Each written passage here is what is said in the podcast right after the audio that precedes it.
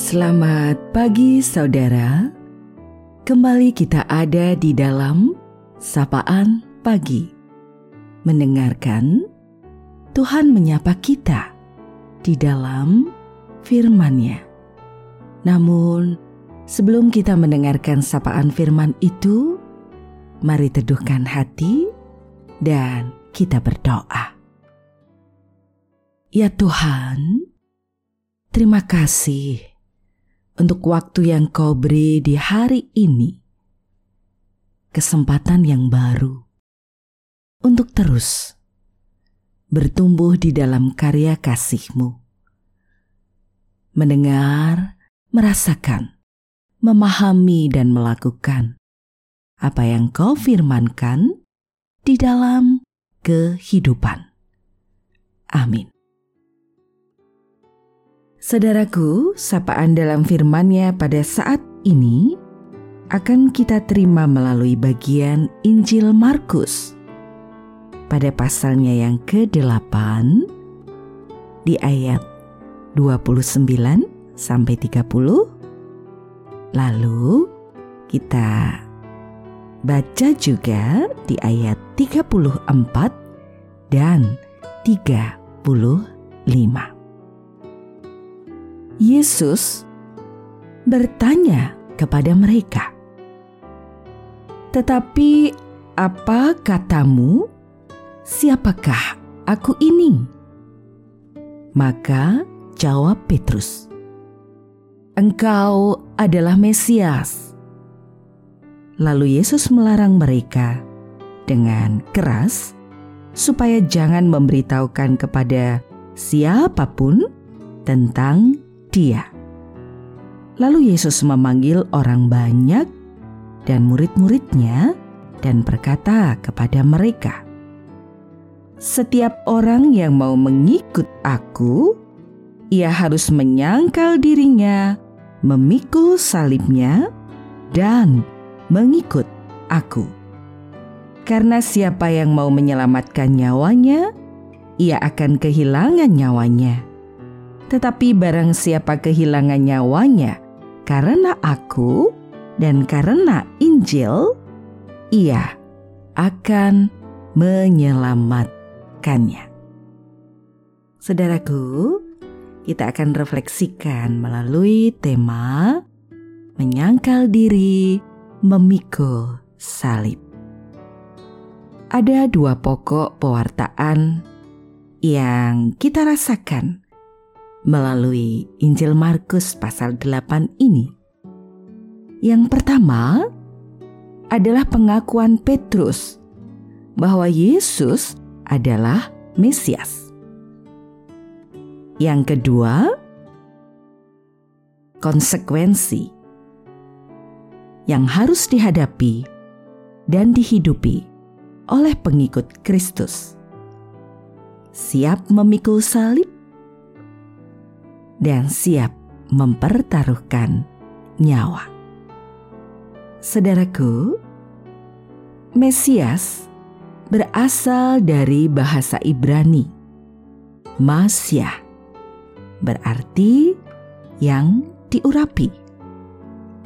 Hal ini berakar dari pemahaman orang-orang Yahudi akan datangnya seorang tokoh di masa depan yang datang dari Allah untuk membawa keselamatan bagi orang Yahudi kala itu. Di dalam bahasa Yunani, kata Mesias diterjemahkan menjadi Kristos. Dan dari situlah dikenal sebutan Kristus yang menjadi salah satu gelar Yesus. Itulah sebabnya kita percaya di dalam Kristuslah manusia diselamatkan. Namun Yesus memberikan pencerahan kepada Petrus bahwa kemesiasannya menyertakan salib, perjuangan, dan pengorbanan. Setiap pengikutnya, ia harus siap memikul salib dan bahkan siap mempertaruhkan nyawa. Dengan kata lain, mengikut Yesus tak berarti menerima tiket gratis. Namun, membutuhkan komitmen, kesetiaan, dan siap berjuang, serta berkorban. Inilah militansi seorang pengikut Kristus. Apakah kita sungguh telah memegang teguh komitmen kita sebagai murid-muridnya yang setia? Atau ketika diperhadapkan dengan berbagai kondisi sulit, kita masih sering cengeng, mudah mengeluh. Saudaraku, jadilah Laskar Kristus yang kuat dan tangguh.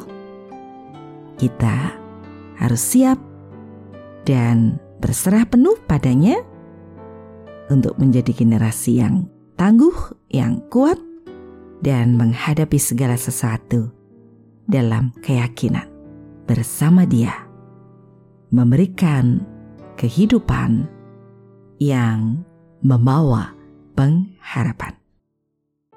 Tuhan menopang kita dengan cinta dan kasihnya. Terus, jalani hidup ini dengan penuh sukacita dalam segala keadaan, taati prokes agar kita tetap sehat dan bahagia senantiasa. Mari kita akhiri sapaan pada pagi hari ini. Kita berdoa. Engkau sumber kehidupan kami.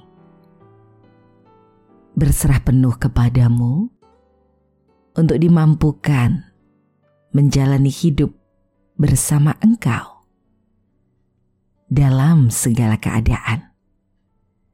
Di tengah rapuhnya diri, Kau memberikan kekuatan. Di tengah kondisi dalam berbagai tantangan, Kau memberikan celah harapan.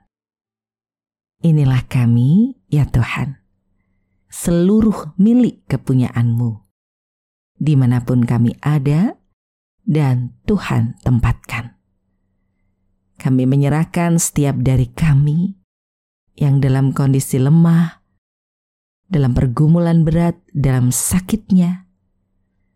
Kami berserah juga untuk kehidupan yang masih kami jalani.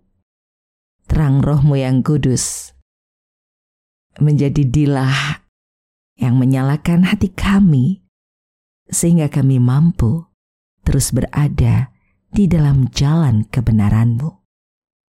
Inilah kami berserah penuh di sisa waktu hidup yang masih ada atas pemberianmu. Ajar kami taat dan setia bersama Engkau, sumber cinta kasih kehidupan kami yang memberikan keselamatan sejati. Dalam nama Tuhan Yesus, doa ini kami serahkan. Amin. Saudaraku, demikianlah sapaan pada pagi hari ini. Terus dengarkan Tuhan menyapa kita di dalam firman-Nya.